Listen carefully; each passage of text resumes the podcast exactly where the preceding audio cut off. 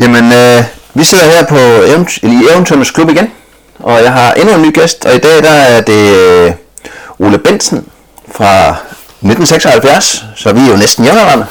Ja. Og som jeg har set på CV'et, så er det jo filmskole, det er Filmakademiet i New York, det er kortfilm, det er en masse priser, og det er jo rimelig imponerende, og glæder mig til at høre om. Og så er der jo dokumentarfilm som Otium, Football is God, som jeg har været inde og se lidt af. Og Bhutan Rejsen mod Lykken har jeg fundet. Verdens bedste frisyrer var jeg finde. Ja. Og øh, så står der jo om dig, at du laver kortfiktion, dokumentarfilm, musikvideo og reklamefilm. Og primært arbejder på tv-produktion. Så det er jo noget af et på.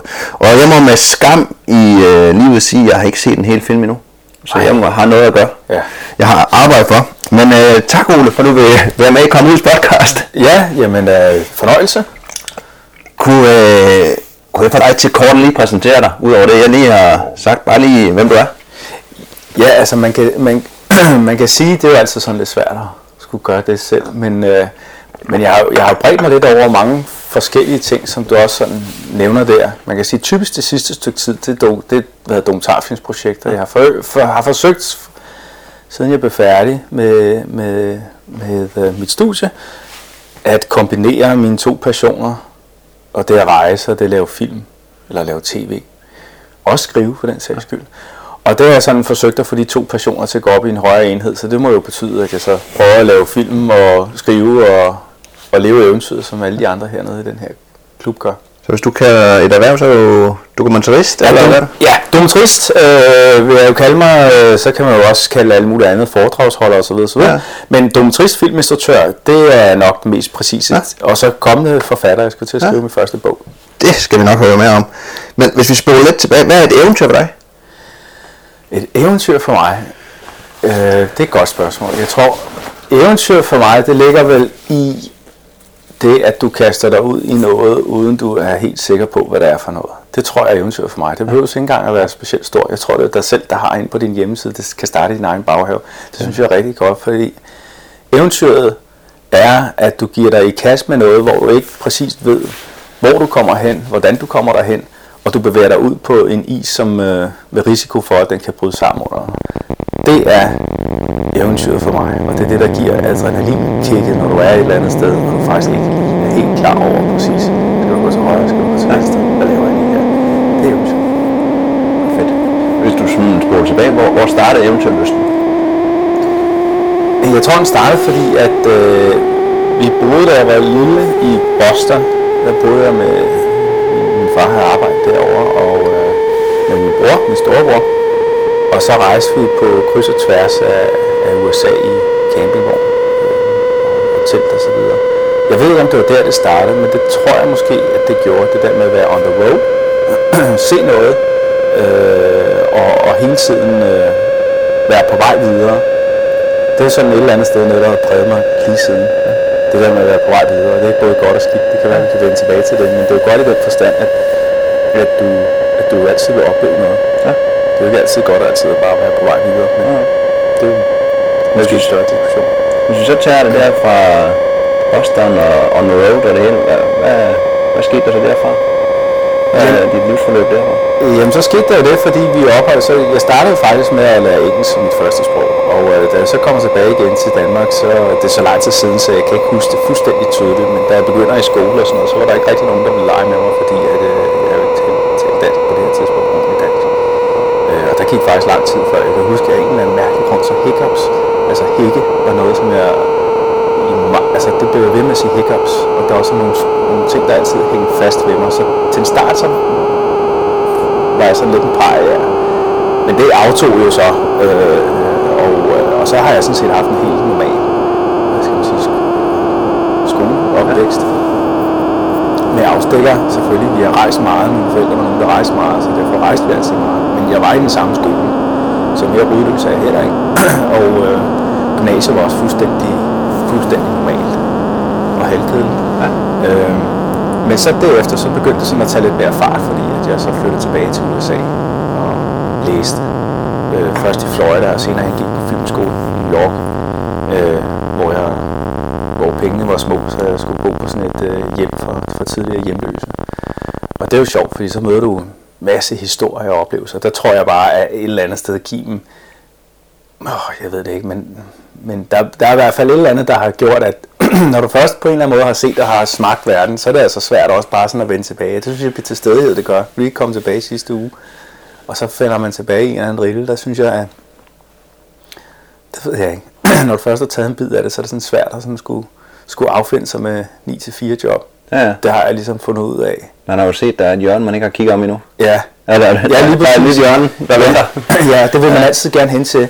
Så den der nysgerrighed, og det er jo det, der ligger i drivkraften i nysgerrigheden, og det der med at være på vej videre, som vi talte om før, er jo bare en enorm styrke, men den, den er selvfølgelig også bare sådan lidt farlig. Det er sådan nogle ting, jeg nu i, i en alder af snart 37 her sådan, øh, øh, kæmper meget med, ikke? fordi det, det, der, er, også- der er også nogle ting, der måske er lidt ufede ved altid, at skulle se, hvad der er på den anden side og sådan noget, men, men mest af alt, så synes jeg jo så, at det, det, det er positivt. Så nysgerrigheden, den, det, var, en- det var den der drivkraft hele tiden til at, altså det, lidt som du fortalte, inden vi gik i gang, ikke? det er svært at sidde, sidde alt for stille. Ja, ja. Hvordan, øh, så kørte skolegangen der, og hvad, hvordan kom fandt du så ud af, hvad du så skulle? Ja, øh, så, så kørte skolegangen der, og så lavede jeg sådan en, en, en mærkelig blanding, fordi så læste jeg også på universitetet i Danmark, læste filmvidenskab, film- og medievidenskab hedder det, og, øh, og så blandede jeg, lavede også tv og lavede radio og skrev, lavede filmanmeldelser, dækkede filmfestivaler, mens jeg læste, lavede film, øh, og det var sådan en pærevælling, og, og et eller andet sted igen, så den der lyst til det alt sammen, gjorde, at jeg blev sådan en, en, en, en, en maskine, øh, ikke en maskine, det synes jeg var lidt forkert sagt, men i hvert fald blev min appetit på også det at rejse og se forskellige kulturer, opleve forskellige mennesker, den har jeg også sådan i, inden for film, tv, medier, at jeg har, har lyst til utrolig mange ting. Det er også derfor, at mit tv er sådan en spredt bølge af... Ja. Jeg kunne huske, når jeg var oppe og tale med det Danske Filminstitut, så, så vil de gerne have dig ned i en boks. De fleste mennesker vil gerne have dig i en kasse, ikke?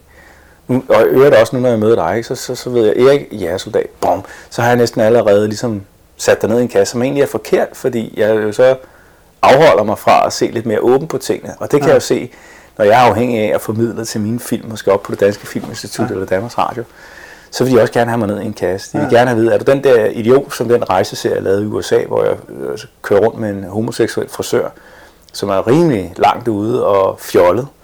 Kan du godt forene det med at lave en meget alvorlig film om, øh, om for eksempel en mand, der er ved at dø af kræft, eller øh, Passion i Sydamerika, ja. det er film, jeg er i gang med at rive, den jeg har lavet i Buenos Aires.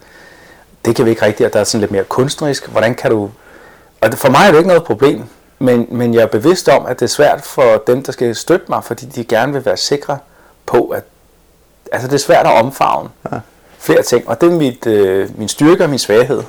Ja. jeg har så valgt at så sige, okay, jeg, fordi så prøver du også at brande dig selv ind i en boks, Ja, som jo ikke passer. Nej, men det er jo svært. og Der er ingen, der passer i boks, jo.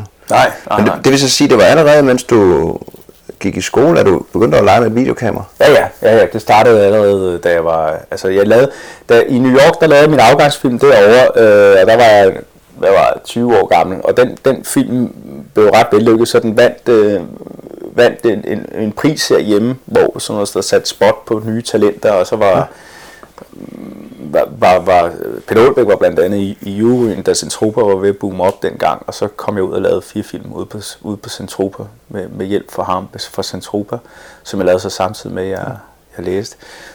Og øh, Hvor- Hvordan kan det, i, i det her, lige for at forstå det der med New York og det hele, ja, altså du var herhjemme og studere, kunne jeg forstå, og så noget filmvidenskab og, og videre. Ja. Så valgte du at tage til USA igen. ja, Ja. ja, ja. Nej, nej, nej, det var før, det var før øh, jeg læste. Jeg, jeg, jeg blev også færdig, jeg er jo Ja. kandidat, og det gode ved, ved, ved, ved især overbygningen, det er jo sådan set, at du kan bestemme frit.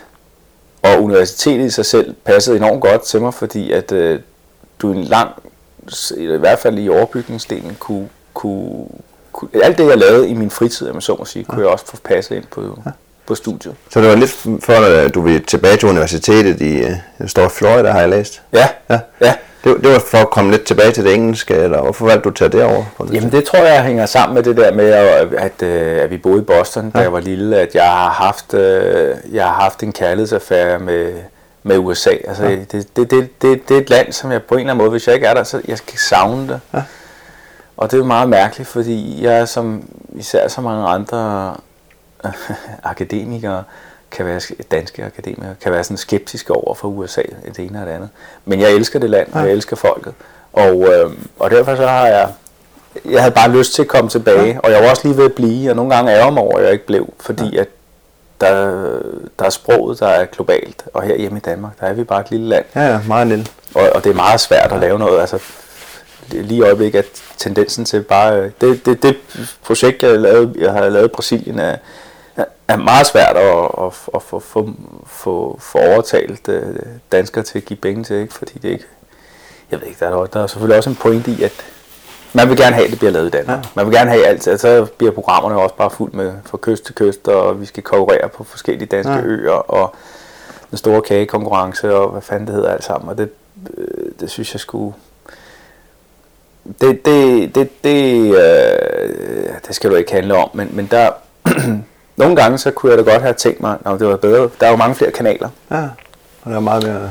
Ja, så er der jo masser af dejlige ting i Danmark. Det er ja. slet ikke det. Men, øhm, men det, vi er bare et lille land med et lille sprog. Men, men du må også have haft, da du så har været motiveret at søge ind på Filmakademi, så må du også, der har du jo skulle være endnu dygtigere, når der er jo været større ansøgningsfelt højst Nej, ikke, ikke, ikke der. Øh, det var en del af det, der hedder NYU, øh, New York University, og, øh, og det var meget, det var meget øh, hands-on. Universitetet derovre er, er meget mere hands-on, end universitetet er herhjemme. Ja. Altså det vil sige, at du bliver kastet ud i at lave film. Jeg skulle også filme andres projekter og være gaffer, assistant camera og så videre, okay. på, på andre projekter. Så det var, det var, det var, hvor du lærte, hvad kan man sige, håndværket. Jeg klippet jo også min egen film og så videre. Ja. Men der fandt det skæg ved hele den oplevelse, det var faktisk, at jeg fandt ud af, at jeg ikke havde lyst til at lave film. Det ja. lyder jo lidt paradoxalt, men, men det, det, det, film er en meget langsom og træ proces. Det er som sådan en supertanker, der sejler ned ad en flod, ja. og så skal du, du kan ikke bare dreje til højre, hvis du vil til højre. Du, øh, du skal ligesom, du skal have en masse mennesker med dig, og som du øvrigt også kan konferere med, og så langt nede af floden kan I måske finde ud af, at I skal begynde at dreje til højre. Og den, den var min restløshed for stor til, ja. så jeg faktisk fandt jeg ud af, at jeg ikke ville lave, lave film. Og derfor brugte jeg de der 5-6 år øh, blandt andet på at skrive meget. Skrive om film, anmeldelser, øh, lave tv, og så, så blev, blev jeg så også kandidat samtidig med. Hvordan kan det være, at kandidaten så... Nu har du været i New York og lavet film og afgangsprojekt. Ja. Det blev meget vel modtaget. Ja. Og så tager du hjem og læser i Danmark. Ja. det var jo også lidt kontrastfyldt. Ja, det var der også utrolig mange, der sagde til ja. mig dengang, at hvorfor, hvorfor, gør, hvorfor gør du det? Hvorfor bruger du ikke momentum nu? Og det var det, lysten. Ja, jeg tror, det var simpelthen fordi, at, øh, at, at jeg, jeg, jeg synes jo egentlig ikke, det var specielt sjovt at lave den der skide film. Ja. Øhm, og, øh, og, og jeg havde lyst til noget, altså tv og det at skrive, det går meget hurtigere. Du kommer hurtigt andre steder, hvor du kan sidde og fedt i et, et, et manuskript eller noget i utrolig lang tid. Og jeg havde bare ikke den tålmodighed til at øh, sidde med noget så lang tid og øvrigt overbevise andre folk om det. Så derfor så øh, passede det mit temperament bedre. Og jeg synes jo, jeg har, jeg, jeg har sådan begge dele, fordi det projekt, jeg har nu, det har jo været to år undervejs, ikke? vi er stadigvæk i gang, så derfor så det er jo en rimelig langsom proces. Men, men jeg havde bare lyst til, på det tidspunkt der, hvor jeg var i starten af 20'erne, der, der gik det altså for sløv med, med ja. de der ting. Der skulle jeg, der var nogle andre ting, der men, men var det din afgangsfilm, der fik? Jeg, jeg har fundet, at du har fået en pris i Milano og Berlin Filmfestival. Ja, det var så de film, der fulgte efter faktisk. Det var dem, der kom efter? Ja. ja. Og der gik jo en del år, men så lavede jeg så tre, tre film. Noget jeg kaldte min trilogi. En film i Thailand, og så øh, en, en, øh, en film herhjemme. Og der, der vandt jeg så sådan en... Øh, altså både øh, Emerging European Filmmaker ja. pris i, i Milano og, og vandt også en anden up and coming for, for, for nu, øh, hvad hedder sådan noget, unge kometer under 27 jo i, i, i verden og, øh, og, og det var jo selvfølgelig også øh, rigtig dejligt, men, øh, men, øh, men, men jamen igen så er min appetit ikke kun, det er også derfor jeg, det der med boksen vi snakker om ja. tidligere, se ved, jeg havde også, og nu står jeg over for at skulle, skulle skrive en bog, ikke, og det fuldstændig valgt, fordi at der er det bare mig, og tastaturet, om jeg så må sige. Jeg, jeg, og, og jeg er ikke afhængig af et hold. Nej. Jeg er ikke afhængig af besværlighederne, og jeg kan hænge ud med de folk, jeg møder. Hvis du laver en dokumentarfilm for eksempel, og især den måde, som jeg har valgt at lave dokumentarfilm på, som er meget fiktionspræget, det vil sige et større hold, øh, højere budgetter, øh, stort postproduktionsarbejde, øh, som alt sammen koster, og mange, og mange mennesker involveret, Altså den vi lavede i Argentina, der har været 150 mennesker involveret i den produktion. Og det gør bare, at det helt bliver mm. sgu noget mere besværligt. Og det ja. blev jeg simpelthen så træt af, også efter Brasilien, at jeg simpelthen tænkte, nu vil jeg prøve at skrive en bog, og så gik Gyldendal lov med på den. Men her, der kan jeg bare styre det selv. Ja. Jeg skal ikke spørge nogen, om jeg så må sige. Jo, altså, hvis jeg skriver af helvede til, så er det selvfølgelig lidt uheldigt, ja. så bliver det nok ikke til så meget, men, men, øh, men det er også op til mig, om jeg så må sige. Hvis vi skal have nogle navn på, hvad hedder din afgangsfilm? Lunchbreak hed den. Lunchbreak? Ja. Den ligger, ligger den på nettet? Nej, det gør den ja. faktisk ikke, fordi jeg er hverken så god. Nu spurgte det der ja. lige inden vi starter, man kan linke til ting og sager. Der ligger ting ude på YouTube og sådan noget, men jeg har jo heller ikke lavet nogen hjemmeside. Men det vil jeg gøre, når den rejse, jeg ligger over for ja. nu, der kommer til at tage 8 måneder. Når jeg kommer hjem, så skal jeg have banket hjemmeside ja. op, og jeg har også tænkt, at jeg skulle lægge de der film ud på YouTube. Ja. Men, men jeg har jo fundet en masse for nogle andre, men det er mest uh, Football is God, som ja. du optog Argentina der. Der er ja. en masse klip fra. Ja. Der er masser lidt, men det var også fordi fodbold var en stor international produktion. Der var, vi, der var otte lande, der var med til at finansiere den film. Øh, og der lavede det, der hedder pre-buy, hvor du rundt på festivaler rundt ja. omkring i, i Europa, og vi har lige været i Mexico med, med, med den film, vi laver i, i, i Brasilien. Og der, laver, der skal være en masse tv-stationer med, der laver pre-buy, og du skal søge nordisk film og tv, og du skal have EU-midler med. Og, og det gør selvfølgelig, at den så får en enorm spredningseffekt over hele verden, fordi at den så også efterfølgende er blevet solgt til, jeg tror, en 10-15 lande, ikke? Ja. og øh, også blevet vist på festivaler. Så den, øh, den, den, den kommer op, og jeg har, bare ikke, jeg har bare ikke været god til... Det er både godt og skidt, men det er faktisk, når jeg har afsluttet et eller andet projekt, så er det virkelig sådan afsluttet for mig. Det kan jeg godt forstå, fordi så, hvis man hører, at du skal ud og søge midler og fare rundt og ja. lave den og klippe den, og så, så ligesom afleveret. Ja, og, det, og, det, der, og der, jeg hænger ikke så meget fast i den længere, fordi ja. så er det ligesom et eller andet projekt, du har gået hånd i hånd med, også som et lille barn, og så når du så sætter den løs, så, ja, det ved jeg sgu ikke, om det er som et lille barn, for det vil du selvfølgelig gerne høre fra i ny og næ, men, men der er det meget afsluttet, så jeg er, ikke, jeg er ikke så god til så efterfølgende at følge op, men det har jeg så tænkt mig, når jeg kommer tilbage fra den her store rejse, fordi jeg bruger mere saft og kraft på at forberede det næste projekt, end, end at, at skulle lave en helvedes masse PR for det efterfølgende. Ja. Men, men jeg har tænkt mig at lave lidt om på det, og øh, nu når jeg kommer hjem, så vil jeg prøve at samle det hele og lægge det ud på YouTube. Og... Så den fra øh, den, din første film, den hedder Otium? Er det den debutant? Det er min første øh, dokumentarfilm, ja. som jeg fik støtte fra fra instituttet, fordi at derop, ja, det er også sådan noget, hvor jeg, jeg synes, det er lidt mærkeligt, men jeg kan nu godt forstå dem. Deroppe på, på Filminstituttet, eller i filmbranchen, der var jeg ligesom den, der lavede nogle meget sådan stiliserede fiktionsfilm. Ja. Og på det tidspunkt, der havde, jeg havde en producer, der, der hed Karoline Let, og, og, og, og hun havde set nogle af film, og så snakkede vi om, at vi skulle prøve at se, hvis det her stiliserede formsprog kunne overføres til virkeligheden, altså overføres til dokumentarfilm. Det vil sige, hvis du betragter virkeligheden med nogle meget stiliserede briller, hvad sker der så? Og hvis du netop betragter en virkelighed, skriver et manuskript på det, men i scenen sætter det, altså bruger de redskaber, du har fra fiktionens verden, på virkeligheden, så du ikke bare sidder med et enkelt lille kamera og filmer en eller anden, øh, en eller anden øh, finsk mand oppe i øh, Nordfinland i en sauna, eller hvad fanden ved jeg. Og der prøvede vi det, og der gik vi over, og så siger de jo så også, jamen du laver fiktion, du, du laver ikke dokumentar. Men så lige præcis på det tidspunkt, der var der en, en ordning, der netop søgte til, eller der gav penge, fuldfinansierede projekter, der havde sådan en, øh, en, en ny tilgang til det. Og der var jeg så heldig, at konsulenten tænkte, okay, Ole han har, kan jo ligesom bevise, at han er visuelt orienteret, han har et æstetisk greb. Hvad sker der, når den her æstetik møder den øh, kaotiske virkelighed? Ikke? Hvad sker der, når, når kontrollen og alt de greb, der er forbundet med fiktionens verden, møder, det, møder, møder kaos. Og så fik jeg støtte til at lave den her Otium. Som handler kort om? Som handler kort om en mand, en militærmand øh, faktisk, øh, som, som øh, har arbejdet hele sit, øh, sit, sit, sit liv, og øh, er meget, har levet meget sådan kontrolleret liv, og øh, lidt glæder sig til sit otium, øh, og i det øjeblik, han får det her otium, så får han så at vide, at han har prostatakræft og skal dø. Mm. Og øh, det i sig selv er en god historie, men det andet, der var den ekstra gode ting ved det, det var netop fordi den her mand, han var meget, øh, han var sådan en, der netop ikke gav meget af sine følelser, forstået på den måde, at han var kontrolleret omkring det. Han får den her kraftsygdom, han har været militærlæge, han skal være, som jeg kunne forestille mig, du også som jægersoldat, skal være præcis. Der er ikke tid til sådan at reflektere meget, eller græde, eller være ked af noget. Det er godt, man er det, men man gemmer det. Og det gjorde han. Han gemte det. Og jeg synes, det var mere interessant at lave en film, fordi selvfølgelig var han påvirket Han viste det i sprækkerne. Men han sad jo ikke og tude over det. Hvis jeg havde en mand, der så sad og sad tude over, at han skulle dø og sådan noget, så ville det næsten også blive for meget. Ja. Her der forsøgte han at skjule, at han var dybt ked af det. Og det gjorde ham ikke alene utrolig sympatisk, men det gjorde ham også bare mere spændende, fordi han hele tiden forsøgte at være meget kølig over for den her sygdom, som han har fået. Den her mand var så min onkel, så derfor kendte jeg ham jo så godt. Og det, det blev så hans testamente, og så lavede vi det så på en, på en speciel æstetisk måde, hvor du faktisk kun ser ham i filmen. Der er andre mennesker, der er med, men den når du, du ser dem kun i silhuetter, eller deres hænder, eller hører deres stemmer. Øh, og det vil sige, at det er sådan en meget film, som går ind i hans øh, univers. Ja. Og den blev vel modtaget, og så fik jeg jo så mulighed for at lave så en større international øh, koproduktion. Øh, og så er vi så nu i gang med at prøve at lave endnu en stor international koproduktion, men det er, for at sige det mildt, fandme vanskeligt. Så, så lige nu, i dette øjeblik, er jeg sådan lidt øh, i tvivl om det projekt overhovedet bliver til noget, på trods af, at vi har fået udviklingsstøtte fra det Danske Filminstitut. Så, øh, ja.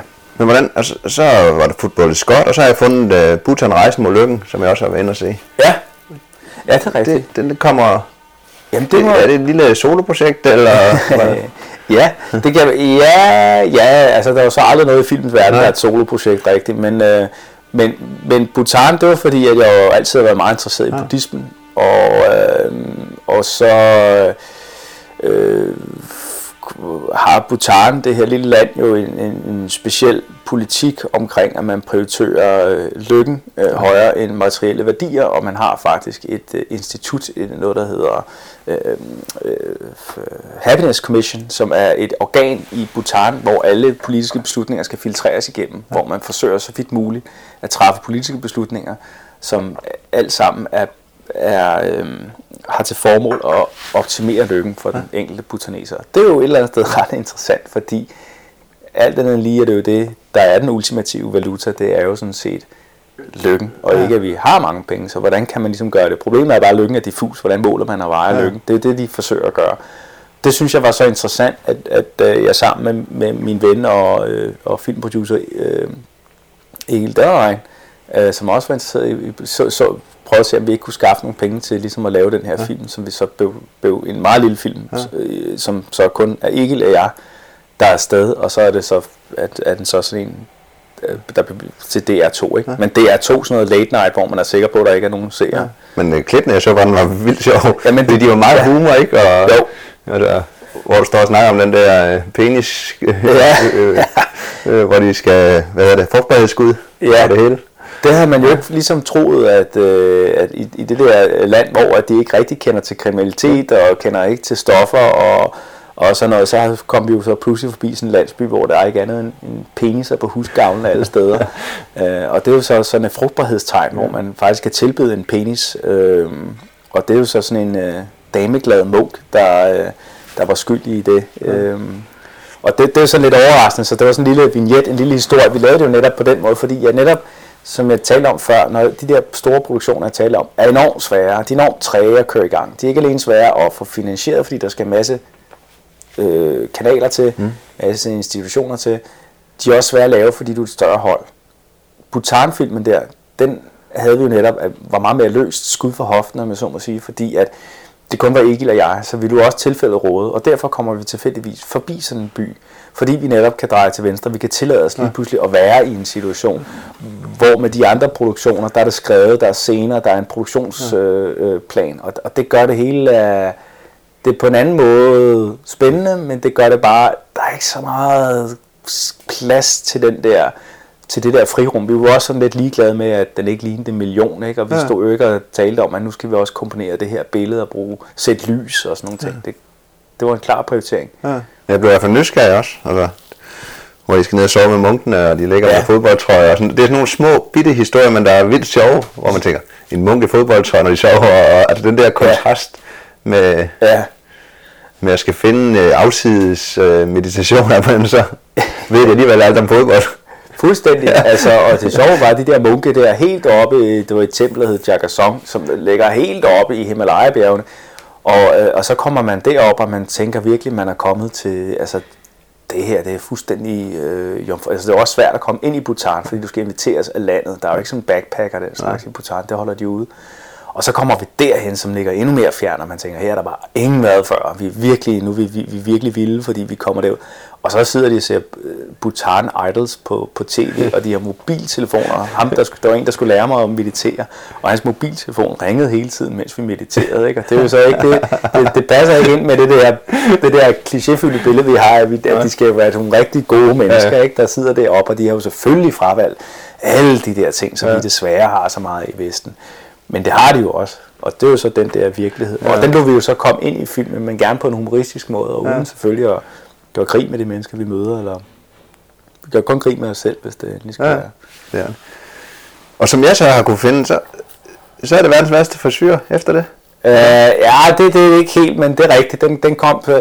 Nej, så det, ja, verdens værste forsyre, det, det, det, det var jo... Det var, det var så lidt i samme boldgade, fordi vi kun var tre mennesker, der kørte rundt i ja, ja. sydstaterne i USA og lavede sig til, til Danmarks Radio. Øhm, og igen, den der kaotiske tilgang, hvor vi, hvor vi, øh, vi har selvfølgelig nogle planer, nogle idéer, nogle scener, og tingene ser måske lidt mere spontan ud, end de sådan er planlagt til, men, men de, er, de lever meget mere af, at øh, vi har et lille hold, vi har let udstyr med os, og vi kan lidt gøre, hvad vi vil, og vi lader tilfældet råde, og tror på, at med dem, som vi er, nu rejste jeg med min ven, som er sådan en homoseksuel frisør fra, fra Berlin. Jeg har tidligere lavet en film til Berlin Filmfestivalen, hvor jeg, hvor jeg brugte ham i filmen. Han bor nede i, i Berlin, han er dansker, og han er bare, altså du kan plante ham op ad en hvid væg, og så kan du filme ham, og så skal det nok blive sjovt alligevel. Ja. Så jeg vidste, at, at det her, det skal nok blive godt.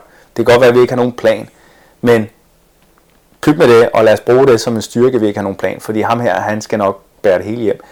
Og det sjove er faktisk, at vi viste den film, jeg lavede i Berlin, ude på DR, og de kunne godt se det. Men, men DR og, og, og andre vil enormt gerne have sikkerhed.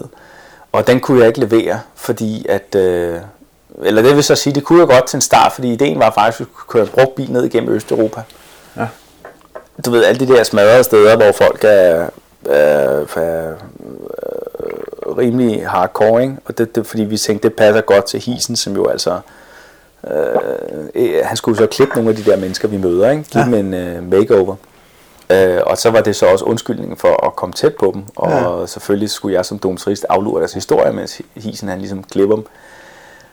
Og det var selvfølgelig lidt en fjollet idé, ikke? og så hed det så Østeuropas værste for syge eller sådan noget. Og, øh, og det havde vi skrevet manuskript på, og researchet på steder og afleveret manuskriptet, det så fint ud, og vi kunne også vise piloten, og alle var glade, de sagde, okay, det vil vi gerne gøre. Problemet var så bare, at øh, vi skulle så se og afsted, og vi har jo også været nede i Berlin og snakket med hisen. Så snart så ringer han så pludselig til mig meget, meget, meget sent. Og det her, det er, det er dagen før, jeg skal ud og have det afsluttende møde med DR, og vi skal sådan afsted om halvanden uges penge. Og så ringer han og siger, Basse, han kalder mig Basse, siger han, Basse, ja, jeg, jeg kan ikke. Og så, siger hvad er det, du ikke kan? Jamen, jeg kan ikke tage afsted. Jeg kan ikke tage afsted til det der. Jeg, jeg, jeg, jeg kan ikke, jeg får nøje. Han er jo, han er jo enormt øh, øh besværligt øh, person, men som, som altid, så er det jo de besværlige, der er de, der, der er de allerbedste øh, karakterer, ikke? Og jeg har jo, jeg har jo brugt, øh, jeg ved ikke hvor lang tid på at overtale folk, ikke? og sige, han er jo med, og dit og dat, og sådan noget, ikke? og så siger han, han kan ikke, og ja, og sådan noget, og det, det gik bare ikke, og, og jeg blev skidesur, fordi øh, Ja, nu har jeg jo stået og talt stolpe op og stolpe ned omkring alle de her fortræffeligheder, der er ved det her projekt, og Hisen han er jo helt med, og, og nu vil han ikke, og vi kunne jo ikke rigtig gøre nogen vej uden ham. Øh, så jeg blev super vred på ham og sådan noget, og så vidste jeg så af en eller anden grund, han har sådan en cowboy tatoveret her, der står i bare overkrop på her.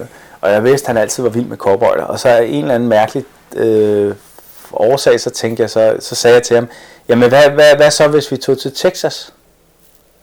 Og så var der sådan en øh, pause der i telefonrøret. Og så sagde han, jamen, jamen Basse, jeg har jo ikke sagt helt nej. og så kunne jeg jo godt høre, at han sådan set gerne til Texas jo ikke. Det vil han jo ikke noget mod, ikke? at få alt betalt og så videre, så kom derover. Og, og så var det jo så, jamen okay, og så blev så, hvis det var Texas, så, så ville han jo så gerne, ikke? Altså, så, så det, det, og så måtte jeg ud, jeg er jo noget med mig alligevel derude på DR dagen efter, så måtte jeg jo derud, og så, så siger de, nå, fint, er I klar? Og sådan noget, og siger ja, ja, vi, men uh, der er bare lige et problem, det er, uh, at ham krukken der, han, øh, han vil faktisk ikke øh, til Østeuropa, men øh, han vil gerne i Texas øh, til USA, så hvad siger I til, at vi laver det i USA i stedet for? og det vil sige, hele det manuskript og alt det der forarbejde, vi har lavet, research på steder og karakterer, vi skulle møde på vejen, mere eller mindre tilfældigt, det kunne vi jo stikke skråt op. Og så blev de jo noget overrasket, og så sagde de, det måtte de jo lige tale med nogle andre om, og sådan noget. Der er ikke nogen, der kan træffe en hurtig beslutning øh, ude på, på DR. Og så sagde jeg, ja, men, men det må jeg bare gerne finde ud af ret hurtigt, fordi øh, vi skal afsted næste uge. Og så øh, hvor de jo så snart med nogen, og så vendte de tilbage sent om eftermiddagen og sagde, okay, det, det er i orden, vi, vi, vi, vi tror så på det, ikke? og vi havde overhovedet ikke nogen planer. Og så var vi inde på om aftenen på, på nettet og bestille øh, billetter, så vi, vi fløj til, øh, hvad var det, vi røg hen? Øh, øh, Houston. Så fløj vi jo så til, til, til Houston, og øh, stod der øh, øh, seks dage efter, og havde så overhovedet ikke nogen planer. Nej. Og det blev så til, til en hel tv-serie, ja. og vi skød det hele på 10 dage. Altså alt blev brugt. Jeg har aldrig oplevet noget lignende, hvor at vi jo sådan set bare kørt ud i det blå, og alt blev bare til scener. Ja. Og, og, og vi skulle virkelig kun lave seks afsnit af 10 minutter, men da vi kom hjem med materialet, aldrig har jeg været så effektiv, altså, eller vi, øh, produktionen har været så effektiv. Alt blev sådan set brugt. Det er jo ikke nødvendigvis sådan en eller anden øh, skal jo ikke tage som sådan en øh, bevis for, at, at det så er en kvalitetsserie. Men det var bare rigtig godt. Så, så vi, vi, havde, vi skulle, det blev løftet af DR sagde, så der er så meget, så vi løfter det til dobbelt varighed. Og, øh, og det, det, det gjorde vi så. Og, det, og det var et eksempel på, at, at, at jeg elsker lige så meget det der, det løse, og der, hvor det ikke ligner en million, eller hvor det skal så sådan kunstnerisk. Ja. Det er bare meget svært for folk at overskue, at du har lyst eller kan begge dele. Og det forstår jeg sådan set godt, fordi lige så, hvad kan man sige, kunstnerisk, det lyder så ophøjet, men lige så alvorlig eller poetisk man kan have lyst til at være i sit filmsprog, eller æstetisk sansende, eller øh, en måde at gribe en film an på, som er visuel, eller som har øh, et stort hold i ryggen, eller sådan noget lige så spændende, jeg synes, det er, lige så befriende sjovt, synes jeg også, at lave noget, der er fjollet. Ja. Og noget, hvor jeg ikke behøver at være så alvorlig og poetisk, hvor jeg kan tillade mig at tage nogle af dem, som jeg holder meget af, som for eksempel Hisen, øh, og så bare fjolle og spas lidt ud. Ja. Øh, jeg så lige nogle af, jeg, jeg fandt den jo, jeg sagde ikke. Ja. Jeg har også den ind på min, øh, min iPad, fordi jeg skal se det, fordi ja. bare hans start, hvor I står og sætter lyd på ham, han snakker om hans partner, og ja. hvor I møder i Texas med en langhår, der ikke vil klippes, og, ja. jamen, det, det er, og, og, det er jo bare igen bevis, at det er jo, det er jo kreativiteten, der gør det, ja. og lysten ja. til at opleve. Helt ja. klart, ja. helt klart, og så selvfølgelig kan du, kan du have, have, kan være sådan en skør cool som, som ham med på rejsen, jamen så, så så går det ikke galt, så skal du nok få det. Noget, noget jeg, øh, med, stadig med skam, jeg ikke har set det hele, men det, det jeg har siddet lige med klippene, der slog mig, det er, at du bruger dig selv meget. Du, du, du er egentlig meget i filmene. Ja, i Bhutan og ja, altså, syge. Ja. Det sådan ser, at, at, at, at, at du, du træder mere ind selv ja. efterhånden. Øh, ja, altså man kan sige, det er, jo, det er jo fordi, jeg så har arbejdet som radiovært og tv-vært tidligere. Øh, og, og, og hele den der, jeg har jo lige lavet en, en, en, en tv-serie, hvor vi var ude og filme, vi var filmet i Panama og Hongkong og Uganda, og, og den her instruerer jeg ikke selv. Der er jeg dokumentaristen foran skærmen. Det er en anden instruktør, der har lavet noget, en producer, der har kørt hele projektet i gang. Og så blev jeg ansat til at være ham foran skærmen. Og det har jeg, det, det har jeg altid haft det øh, fint med i al beskedenhed, synes jeg også. Jeg, jeg er god til det, og så er der sådan noget, man bliver jo heller ikke medlem af den her klub, hvis man ikke har en vis øh, forfængelighed og et stort ego og sådan noget. Jeg kan ikke lide at sidde og, og se det sammen med folk, men, men, øh, men jeg har intet problem med at være på skærmen. Nej. Det er jo sådan noget, man skal sige, at det, det, øh, det vil man jo ikke og sådan Men det kan jeg sagtens tænde mig. Jeg kan sagtens få et adrenalin op og køre på det der. Nu, nu er vi i gang med noget, og nu skal der leveres noget. Og, nogen. og det kan, jeg kan blive nervøs over, øh, mærkelige ting. Jeg kunne huske, at jeg boede i kollektiv på et tidspunkt, så kunne jeg blive nervøs, hvis jeg skulle gå ind i stuen, og de alle sammen var der, og de så kiggede på mig, fordi jeg havde ikke noget sådan at dække mig bag. Det var bare mig, der gik ind der. Men hvis du har et kamerahold, der filmer dig, så forventes en rolle af dig, eller hvis du skal stå og holde et foredrag foran mange mennesker, det er heller ikke noget problem, men jeg bliver ikke nervøs, fordi der er en klar kontrakt imellem, nu skal de kigger på mig, fordi nu skal jeg sige et eller andet. Ja. Og så bliver jeg ikke så nervøs. Og derfor er jeg heller ikke nervøs foran et, et, et tv-kamera. Øhm, og kan sagtens træde ind i den der øh, rolle. Og det, altså lige nu er vi jo i gang med at udvikle, øh, den tidligere redaktør for Danmarks Radio er blevet udviklingschef på, kon, på koncerner, og så skal vi udvikle rejseprogrammer. Men det er jo ikke mig, der skal tilrettelægge dem, Nej. men det er mig, de sender ud for at opleve, også fordi jeg i al beskedenhed er meget god til at møde folk, ja. og meget god til, jeg er jo dybt nysgerrig, jeg vil altid finde ud af alt muligt ja. omkring dem. Så, så, så det er en anden rolle, jeg har, det er sådan set den der tv-værtsrolle, ja. Som jo ligger noget andet fra, end hvis du laver de der de film, jeg lavede øh, nævnt tidligere med hold og sådan noget. Der, øh, der, der, der, der, der, der er jo, hvad kan man sige, bag, bag kameraet, eller der ja. skriver det. Men det er fedt. Jeg synes, det er en fed kvalitet, det der med, det må det også være for dem, der filmer, at du har en teknisk forståelse. Altså, man både har en forståelse ved at være bag kameraet og være foran kameraet, og man kan tage afsted på små produktioner, fordi man kan begge dele. Ja, helt klart. Altså, altså, og der skal du selvfølgelig bare passe på. Det der, det der, vi lavede som fire programmer om den globale fødevarekrise, øh, altså forskellige ting, madspild, landgrabbing i, i Uganda, forskellige løsninger på, hvordan, hvad, hvad det nye vi skal til at spise. Ja. Der filmer jo så rundt omkring, 5-6 forskellige steder rundt omkring i verden, med en anden instruktør. Og der er jo klart, jeg, jeg kan jo hjælpe ham, om jeg så må sige, med dramaturgien og hvordan får, vi, hvordan får vi præsenteret en scene, hvordan får vi afsluttet en scene, hvordan laver vi de forskellige setup, payoffs og sådan noget. Men der skal du jo bare være... Nå, apropos det, der... Må jeg lige tage den her, så det er faktisk det her med rejseprogram her, lige to sekunder. Ja, så øh, vi snakker lidt om at blande sig og alt det her jo. Ja, og øh, ja, det, det, det, vil sige, det er jo det der med, når du har flere, altså nu skal du høre lidt som om, jeg har uendelig mange kasketter på, men men der, der er jo så, hvis det er, at de hyrer mig som den undersøgende dumtrist, eller hvad man skal kalde det, verden, og der er en anden instruktør på, så er jeg jo isende klar over, at jeg synes, det ville være mega irriterende, hvis øh, jeg selv var instruktør, og så ham, der stod der, skal ligesom være instruktøren og bestemme det hele. Så, og, men det er uendelig befriende for mig så også at sige, at alt hvad jeg kan give, det skal man jo bare tage som bud på en eller anden, ja. og jeg, jeg, hvis han vil høre mig om noget, så vil jeg gerne gerne give min, men det er ham, der bestemmer. Om jeg det er hans beslutning. Det er hans beslutning. Ja. Så er det jo selvfølgelig mig, der agerer der foran skærmen, men, men det er hans beslutning. Og det har jeg det så dejligt med. Øh, men, men man skal selvfølgelig bare øh, balancere. Men det er rigtigt, rigtigt set, og det er det der med, at det er forskellige type produktioner. Og faktisk minder det nogle gange, nu er jeg begyndt at blive ligeglad, mm. fordi at jeg trods alt, altså jeg var meget bevidst om tidligere at prøve at sælge mig selv og brande mig selv op i et corner øh, i hjørne, og, og nu synes jeg, at, at nu er jeg blevet det lidt ældre og bliver sådan lidt ligeglad, så hvis folk ikke kan overskue, at man kan og har lyst til flere forskellige ting, så er det lidt deres problem, og så må ja. jeg bare, fordi jeg overgår snart ikke rigtigt at skulle spille en eller anden rolle for dem, ja. fordi jeg synes selv, at jeg har, har flere roller. Ja.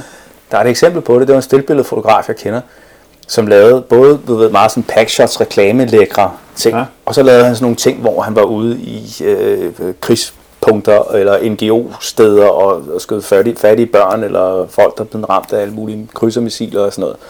De to verdener er jo meget forskellige. De smittede af på hinanden, men, men først så havde han jo en hjemmeside, hvor alt lå, ja. hvor der var sådan, her der er hans reklame til os, her der er så det derude. Men det kan folk, når de går ind på hjem, de kunne ikke overskue det, at han kunne begge dele, Nej. eller ville begge dele, at det faktisk kunne smitte af på hinanden. Så han måtte ende med at lave to hjemmesider. Så når han var ude og tale med sin reklamekunder, så henviste han til den hjemmeside, som jo så var med hans reklameprodukter, og når han var så ude og tale med NGO'er eller skulle i brandpunkter, så havde han så den anden. Ja. Fordi så kunne folk sige, du er den, der laver det. Ja. Du er ikke den, der laver det og det. Nej. Du er den, der laver det. Man er den bedste. Ja. Så kan man ikke lave to ting. Præcis. Ja. Og derfor så, øh, så øh, øh, nu er jeg også hverken, jeg har jo ikke engang to hjemmesider, jeg har ikke engang én hjemmeside. så, men men øh, det, øh, det har faktisk været sådan, jeg ved ikke hvorfor vi kommer sådan ind på det, men det har været lidt et problem, synes jeg. Måske har det mest af alt været et problem for mig selv. Det er jo folk, har måske nok bare været ligeglade. Men nu, øh, jeg har bare jeg har lyst til mange ting, og det ja. ligger jo også i eventyret, ja. at have lyst til mange ting. Nysgerrig mange ting. Alt skal afprøves. Nu også det her med at skrive en bog. Jeg har aldrig skrevet en bog ja. før. Det glæder jeg mig til. Hvad kommer den til at handle om? Jamen, det kommer... Vi skal glæde os. Det håber jeg, ja. I skal, hvis der er nogen, der gider læse øh, det er, at øh, jeg, jeg, jeg står herover for, apropos det, som vi startede med, eventyret er at kaste sig ud i ting, du ikke lige helt kan øh, ved, hvor fører dig hen, eller du, du, du er i hvert fald ikke 100% sikker på præcis, at du kaster ud. Og det er et eventyr, jeg så har kastet mod. Jeg mødte en pige, kvinde, i Rio sidste år i forbindelse med den film, jeg lavede derovre. 26. oktober 2013. Super 12. Øhm, vi er 13 nu. Vi har jo så set hinanden. Jeg fløj efter hende til Ecuador meget spontant, da hun forlod øh, Rio. Og øh, vi blev så kærester. Og nu er jeg jo lige kommet hjem fra Ecuador, og jeg har friet til hende, så vi skal gifte 26. oktober her lige om lidt, ikke? Mm. Om, om halvanden måned. Et, præcis et år efter vi så hinanden første gang. Og der går jeg jo, altså vi har jo ikke kendt hinanden i 10 år og sådan noget, så vi bliver ligesom gift, og så lærer vi hinanden at kende efter. Og øh, det er sådan lidt omvendt rækkefølge, men, øh, men det er så er det også et eksempel på et eventyr, og nu kommer jeg så til bogen, fordi efterfølgende, så skal, øh, når vi så er gift her i Quito i Ecuador, så skal vi ud og rejse i 8 måneder, hvor vi rejser rundt i Latinamerika, hvor jeg netop lidt, eller Bhutan-filmen der, mm. skal afsøge latinamerikanernes forhold til, ja. til lykken.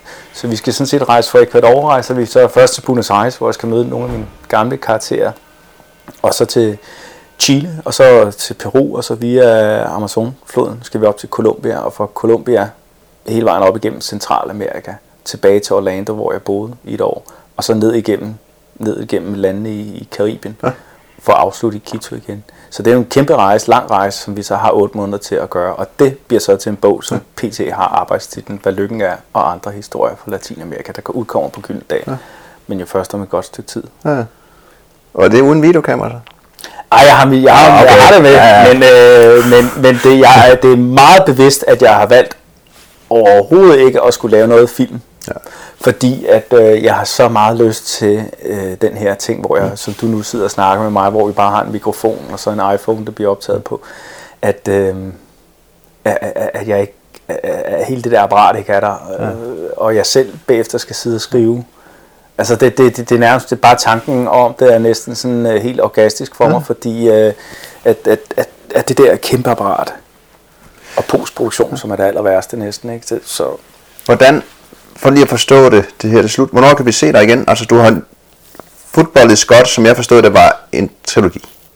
Ja, det er en del af en ja. trilogi, ja. Og du har filmet den, de efterfølgende Nej. her sidste år? Eller Nej, øh, det er den, den, den første uh, Football is godt, uh, er, øh, handler om, om, om øh, passion og fodbold. Øh, man skal ikke blive bange, hvis man ikke kan lide fodbold, fordi det er sådan set mere passionsvæsen, som ja. er undersøgelsen i den, og, og de her mennesker, som simpelthen tror på det som en religion. Ja. Og det er dem, der er i fokus. Øh, så det er ikke sådan noget med, hvem ligger nummer et eller to ja. eller sådan noget. Og, øh, og to, altså, det er så den i Rio, som jeg er i gang med nu, ja. øh, som så handler om kærlighed og passion. Og handler om folk, der lever i åbne parforhold. Øh, og den sidste skal så handle om penge og passioner skal laves i New York. Hvornår kommer den fra Rio så? Jamen den fra Rio er vi i gang med at finde finansiering til nu. Der, skulle, okay. der har vi skudt en pilot, Jeg en pilot. Øh, og er i gang med at prøve at skræse finansieringen til det. Ja. Så vi glæder os.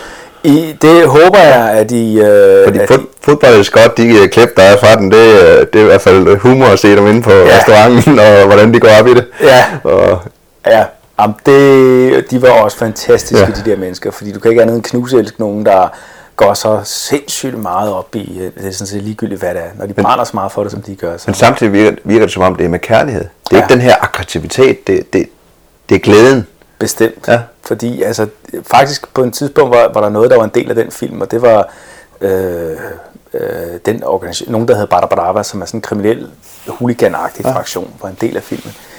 Men men jeg, jeg, jeg smed den del af det, fordi at det, der var bare fantastisk, det var lige præcis det, du siger der. Det var den kærlighed, de havde. Den altopslugende kærlighed. Den altopslugende passion for noget, som de følte bare var større end en selv. Og det gik bare ind i den med hud, hår og øh, hele pivtøjet.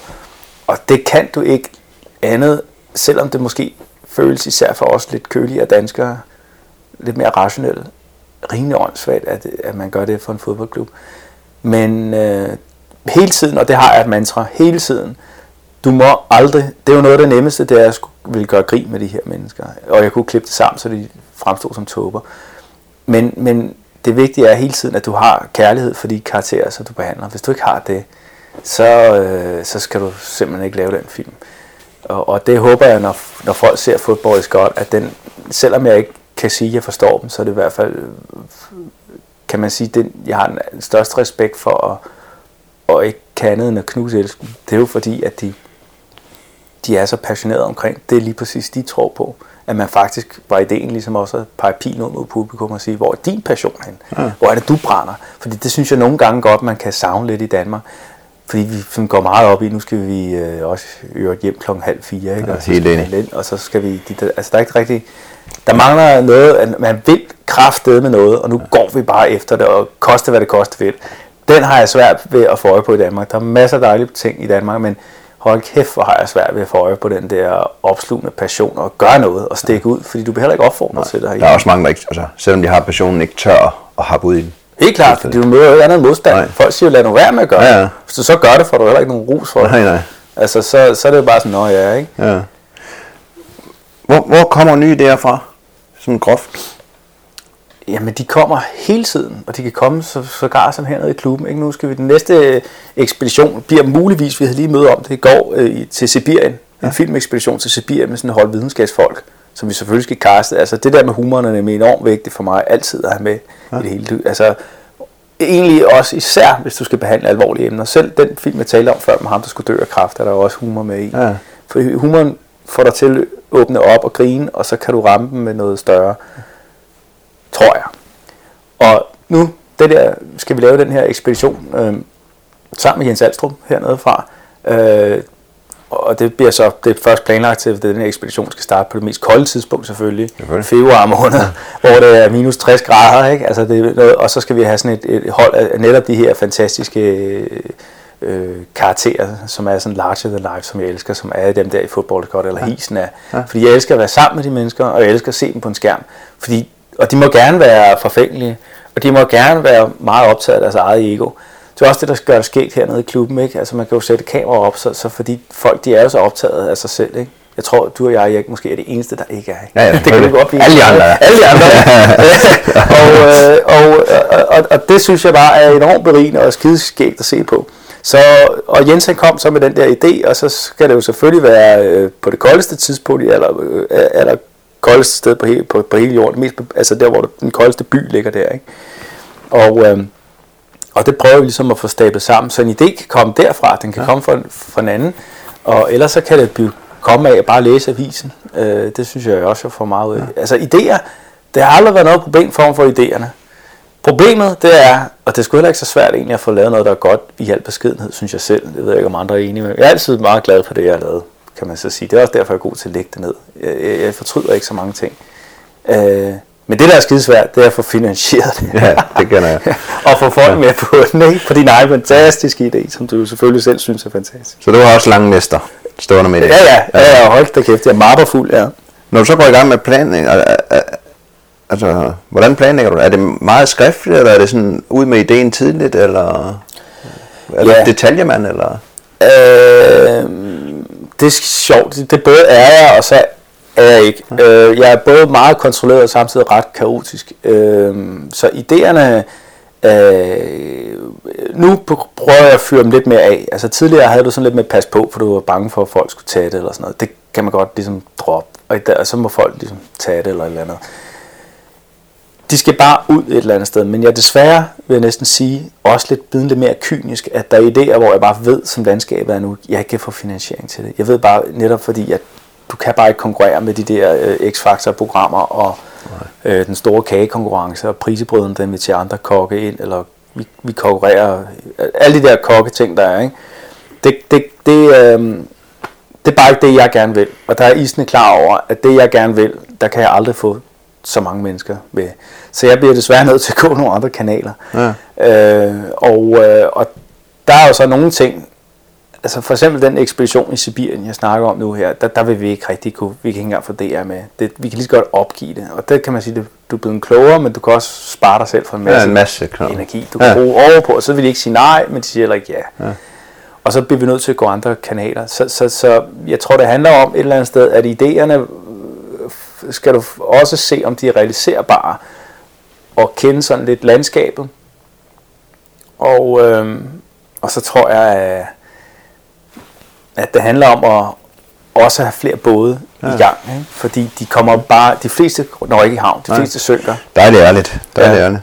Er du sådan en, der har, når du så planlægger er det så lister på alt, hvad du har med og grej? Og, eller? Altså når vi er ude og rejse? Eller? Ja, når du så har ideen, skal du, ja. når du så planlægger i bunden, er du så sådan en, der har fuldstændig lister på alt? Eller? Nej, der tror jeg, jeg er sådan en, der jeg er udmærket og klar over, hvor vi er på vej hen, og jeg har også idéer og tanker, men jeg er sådan set øh, ret god, synes jeg selv, til at, også at kunne tillade mig selv at falde ned, det afhænger selvfølgelig af produktionens natur. Nu for eksempel den der fodbold i Argentina. Der var for mange mennesker med, og, og holdet var øh, for stort og for immobilt, og vi havde begrænset tid til at nå nogle scener, der allerede var skrevet. Jeg skriver jo fast manuskript til den type film, skriver jeg manuskript til karaktererne. Først handler det om at møde dem, se hvad det er for nogle typer, og så prøve at skrive et manuskript, som har en begyndelse, midt og slutning, som går på, hvad deres, hvad deres udvikling er. Så der er nogle ting, du bare skal have i kassen. Øhm, og, og der er, der er enormt fixeret på kontrol af den type produktion. Så er der så den type produktion, som var Bhutan, eller verdens værste, eller Sibirien nu her, ikke? Og, øh, eller det her rejseprogram, snart, der, der må gerne være lidt mere spontanitet ja. i.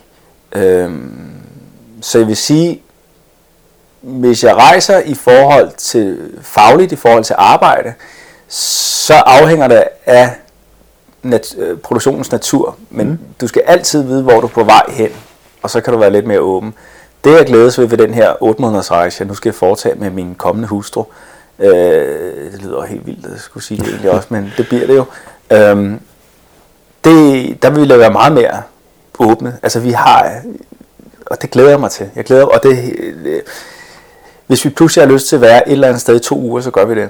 Ja. Hvis vi ikke når derover, så er det også okay, fordi så når vi noget andet. Og, og den har jeg glædet mig så meget til, den, der, den her rejse. Ja. Det er fedt at høre det der. Øhm, hvem har været din inspiration, hvis du sådan kigger tilbage? Har du nogle personer, hvor du siger, at det, det var sgu dem, der startede det, udover dine forældre? Eller er der nogen, du har fulgt meget? Døden? Ja. jeg tror jeg, hvis det skulle være. Jeg ved ikke. Der er selvfølgelig personer, der er jo ikke mindst dem, der er medlemmer hernede, ja. som jeg synes er fantastisk at, at lytte til de gamle der. Ikke? det, det, det inspirerer mig meget, men det lyder sådan lidt sindssygt at sige døden måske, men døden fordi, at, at jeg især nu, og især der, hvor jeg lige er nu, og, og hvor vi lige mødes nu her, så synes jeg bare hele tiden det der med frygten for, øh, og, og det her også, når man er blevet lidt ældre, man bare ved, at du er dødelig, og, og du ved, at du forsvinder. Der ligger en enorm energi i det for mig, mm. og drivkraft og inspiration. Altså det er det, der gør, at jeg hele tiden bliver mindet om, at jeg bare skal ud igen, at jeg skal opleve. Fordi lidt det, du fortalte selv før, dem her, du tager over indlandsisen, og, og så dem, der så er blevet så gamle, at de, de, de skal nå det. Jeg har simpelthen så mange ting, jeg gerne vil nå, og jeg er helt sikker på, at den dag, hvor jeg lukker øjnene, så har jeg heller ikke engang nået det hele. Det kender jeg mig selv godt nok til nu, at jeg bare skylder mit liv på grund af døden, at gøre de der ting. Og det, øh, jeg var inde og se den der film Samsara i går, og der bliver endnu mere bestyrket i det, for nogle gange, så det ved jeg ikke, om du også kender, jeg, men den der fornemmelse af, at du nogle gange bliver lidt nervøs, når du står over for det potentielle eventyr, eller når, man har, når jeg har bestilt en eller anden rejse, hvad jeg gjorde tidligere, hvor jeg heller ikke havde nogen kæreste eller noget, hvor jeg så tog tre måneder afsted til enten Sydamerika eller rejste rundt i Asien, og, og, og jeg ikke vidste præcis, hvor jeg skulle hen, eller jeg skulle holde nytår alene et eller andet sted uden jungle så bliver du lidt nervøs før, og pludselig er der noget, der banker på din dør, om jeg så må sige. Og det er, hvad jeg vil kalde øh, frygten eller begrænsningen, at du pludselig møder den der, du er ikke helt tør. Og jeg har aldrig fortudt, at jeg gjorde det alligevel. Nej, lige og den vil jeg, altså, du skal forsere den ja. der. Et rigtig godt svar med døden, fordi det er jo det her med, jeg har også den her at sige, altså, man skal altid prøve. Ja. For så kan man sige, det var ikke mig. Ja. Men hvis man ikke har prøvet, så kan man få troet hele sit liv. Ja, og det duer bare ikke. Ja. ja. Øh, så, så, så man kan altid prøve ting af. Der er ikke noget fejl i at sige, det var sgu ikke mig. Ja. Øh, men jeg har prøvet. Ja. Fordi så kan man ikke sige, at ah, jeg kunne måske, jeg kunne måske godt have gjort, og alt det andet. Helt klart, og så. det er ikke for, for at, at, at, at et eller andet sted at lyde selvfed, eller vi skal ja. sidde her og lyde selvfed, men, men jeg synes nogle gange, så har jeg mødt den der med, når folk de har spurgt mig, hvordan har du modet til at gøre de her ting? Hvordan? Fordi der er ikke noget fast arbejde. Vi snakker også lige om, før vi ikke har nogen pensionsordning ja. og sådan noget. Ikke? Øh, så når der er nogen, der kommer og siger det der, øh, hvordan har du modet til at gøre det? Jeg har mere lyst til at sige, hvordan har du modet til at lade være med at gøre det? Ja. Og det synes jeg er meget mere af, af, af kimen i det, fordi man bliver fandme nødt til at, at, at, at gøre det, og jeg forstår fuldstændig den der lille nane, der kommer, frygten, og, og siger, lad være, lad være, lad være, ja. ind i hovedet eller ind i bagen. Og den slipper man nok ikke helt af med, men det er virkelig vigtigt at kvæle den. Og de gange, jeg har kvælt den, har jeg aldrig fortrudt det. Selvom ja, ja. det har været noget lort, jeg så har havnet i. Ikke? Ja, og jeg har så meget respekt for folk, jeg møder, om de så sidder og bygger modeltog ned i kælderen, eller de kører en kolonihave og går det ud og laver, fordi de er nået til det punkt i deres liv, det, at det de har lyst til. Ja. Altså, ja. Altså, så, så, så jeg er fuldstændig ligeglad med, hvad folk gør. Bare man har, har prøvet Ja. det, man tænker på. I Bestemt. stedet for, at man tænker over det. Så su- super Amen. fedt svar. Ja, ja. er der noget, du aldrig rejser uden? En eller anden lille øh, ting i baglommen, eller udover dit videokamera, kan jeg næsten regne ud Ja, efterhånden. jeg har altid mit, mit, øh, stillbilledkamera, skråstreg øh, videokamera med mig. Nej, det er der ikke, fordi i- modsætning til dig er jeg jo heller ikke sådan en, en, en, en, en fyr. Altså smider du mig ind i en skov og skal overleve derinde, så vil jeg ikke klare mig særlig godt. Altså, øh, så, så jeg er jo ikke, jeg er jo ikke sådan en vildmand øh, rigtig. Det er ikke så, fordi jeg ikke er bange for at, at, at prøve dit og dat, men jeg er mere sådan en, der, der møder menneskerne. Ja. Der er jo forskellige måder at opleve eventyret på. og ude i den barske natur og sådan noget, det synes jeg også er spændende, men det er ikke der. Det er ligesom dem, der sejler. Mm. Jeg har også været ude at sejle med et stort russisk skib, der hedder Sedorf ude på Atlanterhavet, øh, hvor du er jo hvor der bare er ingenting, ikke? og du har et stjerneklar himmel, delfinerne der og bare sejlene. Fantastisk. Og jeg forstår dem, de maritime folk, der bare altid længes ud mod havet. Men det er bare ikke der helt mit hjerte er. Jeg kan se, hvor de kommer fra. Ja. Og jeg kan også se, hvor sådan en som du kommer fra. Men det er bare ikke min, min styrke. Så derfor har jeg ikke det der grej eller et eller andet, fordi jeg, jeg ikke sådan nødvendigvis skal, skal, skal, skal, skal kunne overleve ude i et eller andet vildmark. Men øh, jeg prøver da, nu ved jeg, jeg er faktisk lidt i tvivl, om jeg skal have min computer med nu her, fordi vi skal jo rejse nogle steder, hvor den bagagen måske kan blive stjålet. Ja. Så det gør jeg ikke. Man kan sige, jo, det jeg tager med, det bliver sådan lidt mere symbolsk. Det er smilet. Ja. Fordi at når du møder mennesker, og så er det ligegyldigt, om du står for Vellagen i et farligt sted i, i, i Rio, eller øh, du, du, du står i, øh, øh, hvad ved jeg, blandt de fredelige buddhister i Himalaya-bjergene, så i det øjeblik, du smiler, så synes jeg bare, at du afvæbner enormt meget, og du møder mennesker på en anden måde. Og det er virkelig vigtigt på en eller anden måde at have med. Det er jo selvfølgelig ikke en eller anden fysisk, konkret genstand, nej. det er jeg godt klar over, men, men det er noget, der i den grad, synes jeg, hvis du ikke har det med, så, så, øh, øh, så begrænser man i hvert fald sig selv for en masse oplevelser og møde med mennesker, fordi når alt andet kommer lige, så er det fordi, jeg synes, at mennesker at de er simpelthen så interessante, Ja. at, at, øh, at, øh, ja, at, at, at, at i det øjeblik, du smiler, og du viser en oprigtig interesse for folk, så er jeg altid så overrasket over, hvad de egentlig ikke vil gøre for dig. Ja. Øh, og vi kender det jo også selv. Altså Ja. ja. bare det her, at nu du har lyst til at høre om, om mig, så synes jeg jo allerede, at du har en enorm god smag, ikke? fordi Ja. ja. du har lyst til at høre om, hvad jeg laver. Så det er jo sådan, øh, det er win-win situation, om jeg så må sige. Ikke? Og det er fører måske næsten frem til det næste spørgsmål. Har du lille skjult tricks, og det er vel så åbenheden og smilet næsten. Det tror jeg, Ja. det, det, det, det vil jeg næsten sige, det, er, øh, det var måske snart det spørgsmål, jeg Ja. ja. svarede på. Det er skjult tricks. Jeg vil ikke engang kalde det et trick, fordi at, øh, hvis det er et trick, så er det jo ikke oprigtigt. Nej. Øh, så øh, og jeg- jeg mener i al beskedenhed, at det er oprigtig interesse, så øh, Ja, det, det rammer meget godt, fordi øh, man kender det også. Jeg plejer mit eksempel, når jeg snakker om, jeg, jeg siger, at man skal være åben, positiv og fordomsfri. Ja. Og det er noget af det sværeste, vi har, fordi vi har de her bokser, som du selv snakkede om. Ja. Og jeg synes, det er i orden at putte hinanden ned i bokser, bare boksen står åben, Ja. så at man kan, kan lave om på sin forestilling.